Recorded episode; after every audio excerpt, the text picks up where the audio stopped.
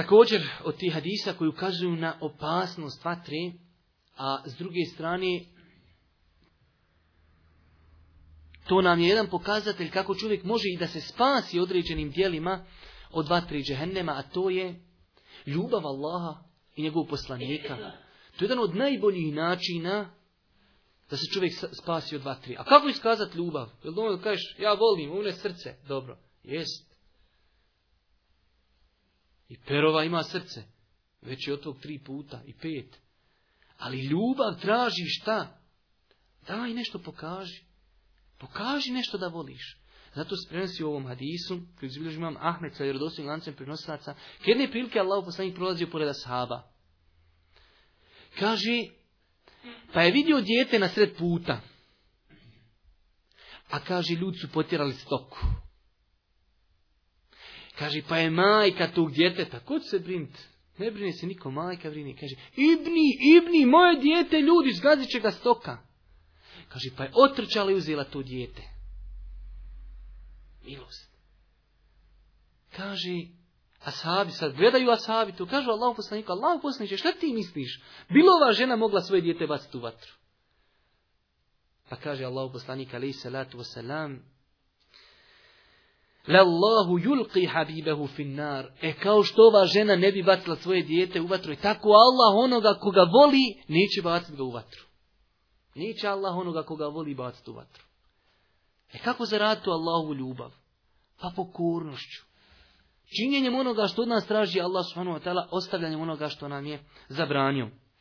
Tako isto hadijsko izbiljuži ima Buharija i Muslim, onoga sahaba, taj hadis prenosi Enes, to je poznati hadis. Kaže, došao čovjek Allahom poslaniku, a oni su inače, a sabi su iz poštovanja prema poslaniku malo pitanja postavljali.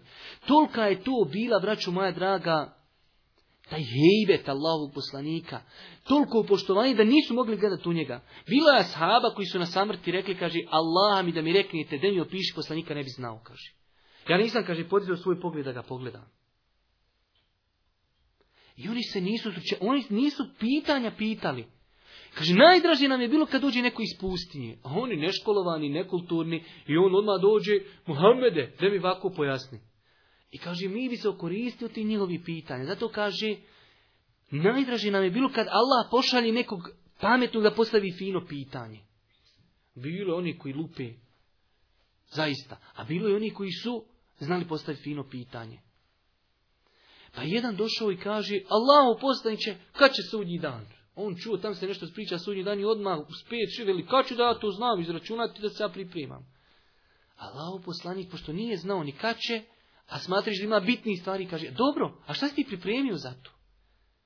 Ima raznih predaja, i u nekim predajama kaže, nisam pripremio ništa, ima u nekim, nisam mnogo toga. Znači, pripremio sam stvar, ali nema puno na fila. Ali ima, kaže, ja imam nešto. Volim Allah njegovog poslanika.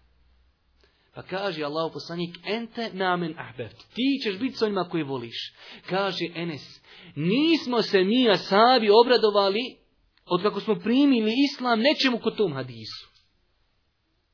Kaže, pogledajte Enesa, pogledajte tog sluge Allahu poslanika. Deset godina ga Allahu poslanik odgaju. Kaže, ja volim Allahu poslanika. Ja volim Ebu Bekra. Ja volim Omera. E kaže, nadam se zbog te moje ljubavi da će me Allah uvesti njima u džennet. A kaže, ja znam da ja nisam uradio koliko su oni uradili dobrih dijela. Pogledajte te realnosti, objektivnosti. I danas ti dođe zalutali Rafidija i proklinje Bubekra i Omera. A pogledaj Enesa, šta kaže, kako je to čovjek, znači, ashab Allahu poslanik, deset godina služio Allahu poslanika. A zna se ko je ko. Zna se ko je Bubekr, ko je Omer. Nema tu, znači, uopšte pokušaja da i neko stigne. Kaže, ja se nadam da će me Allah uvesti u džennet sa njima zato što ih volim. Ali kaže, ja znam da nisam uradio koni. Nije kaže, ja znam. Ja ne mogu stići njih dijelima. Ali eto, nadam se da će Allah zbog te ljudi. Zato kaže, mi se nismo obradovali ničemu nakon primanja Islama kod tom hadisu. Ovdje opet znači pojenta ljubav Allaha Đelešan njegovog poslanika je dobar način da se čovjek zaštiti od vatri džehennema. Također, jedna, znači mnogo je tih stvari i mi mogli držati ciklus, serijal predavanja šta uvodi u džennet. Ja sam namjerno dvije, tri stvari spomenuo nakon da se malo samo preispitamo. Ima hadis koji izbilježi imam Tirmizija, sa dobrim lancem prenosilaca, kao što je to potvrdio šeha Albani, rahmetullahi alihi, da je Allah poslani kazao, Pazite dobro. Ko klanja 40 dana u džematu, da nikad ne propusti početni tekbir sa hođom, upisat će mu se dvije stvari.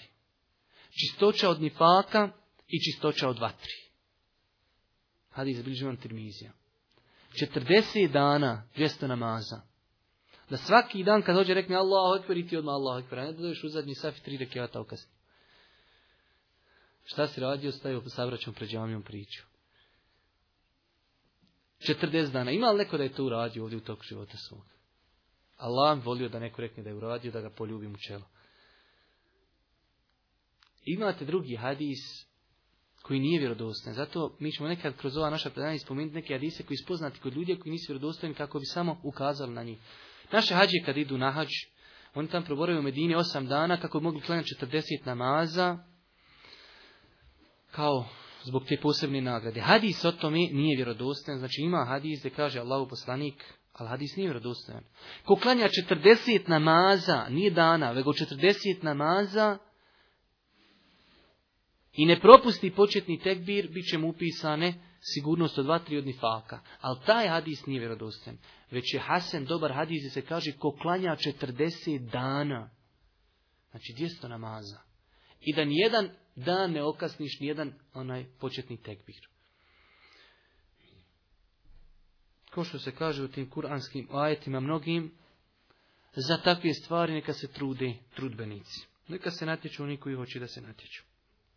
Također, od stvari kojima čovjek može zaraditi Allahu milosti spas od džehennema jeste da svoje noge upraši prašinom na Allahovom putu u džihadu. Allahu poslanik alaih salatu wasalam kaže neće se noge uprašiti na Allahovom putu, znači kada god se te noge upraši, to će, kaže, biti razlog da ih Allah ne sastavi u džahennemu. znači prašina na Allahovom putu u džihadu i vatra džahennema su dvije stvari, isto magneti, sad znači, kad on neće nikako jedan na drugi, odbijaju se. E tako prašina džihadska i vatra džehennema nikako. Spojiš, ono se odmah rastavi. Kaže Allah poslanika alaihi salatu wasalam, Vatra džehennema neće dotaknuti dva oka. Oko koje je plakalo i straha prema Allahu subhanahu wa ta'ala. Kaže, sve dok se mlijeko ne vrati u vime. E tada, ako se mlijeko vrati u vime, tada će i vatra džehennema pržiti oči koje su plakale od straha prema Allahu. Ali pošto se vime, mlijeko nikad neće vratiti u vime, znači nikada vatra džehennema neće pržiti oči koji su plakale iz straha prema Allahu. I kaže, la jeđtenijom, neće se sastati u džehennemu nikada, prašina na Allahovom putu i vatra džehennema. Hadis Znači da bilježi imam Tirmizija sa vjerodostojnim lancem prenosilaca. U drugom rivajetu, kod imama Taberanije, stoji i kaže Allah poslanik, tri oka nikada, nikada vatra neće opržiti. Oko koje je plakalo i straha prema Allahu subhanahu wa ta'ala, oko koje je stražarilo na Allahovom putu i oko koje je ostavilo ono što mu je Allah zabranio. Znači, oborilo je svoj pogled, znači oko koje nije gledalo ono što mu je uzvišeni Allah zabranio.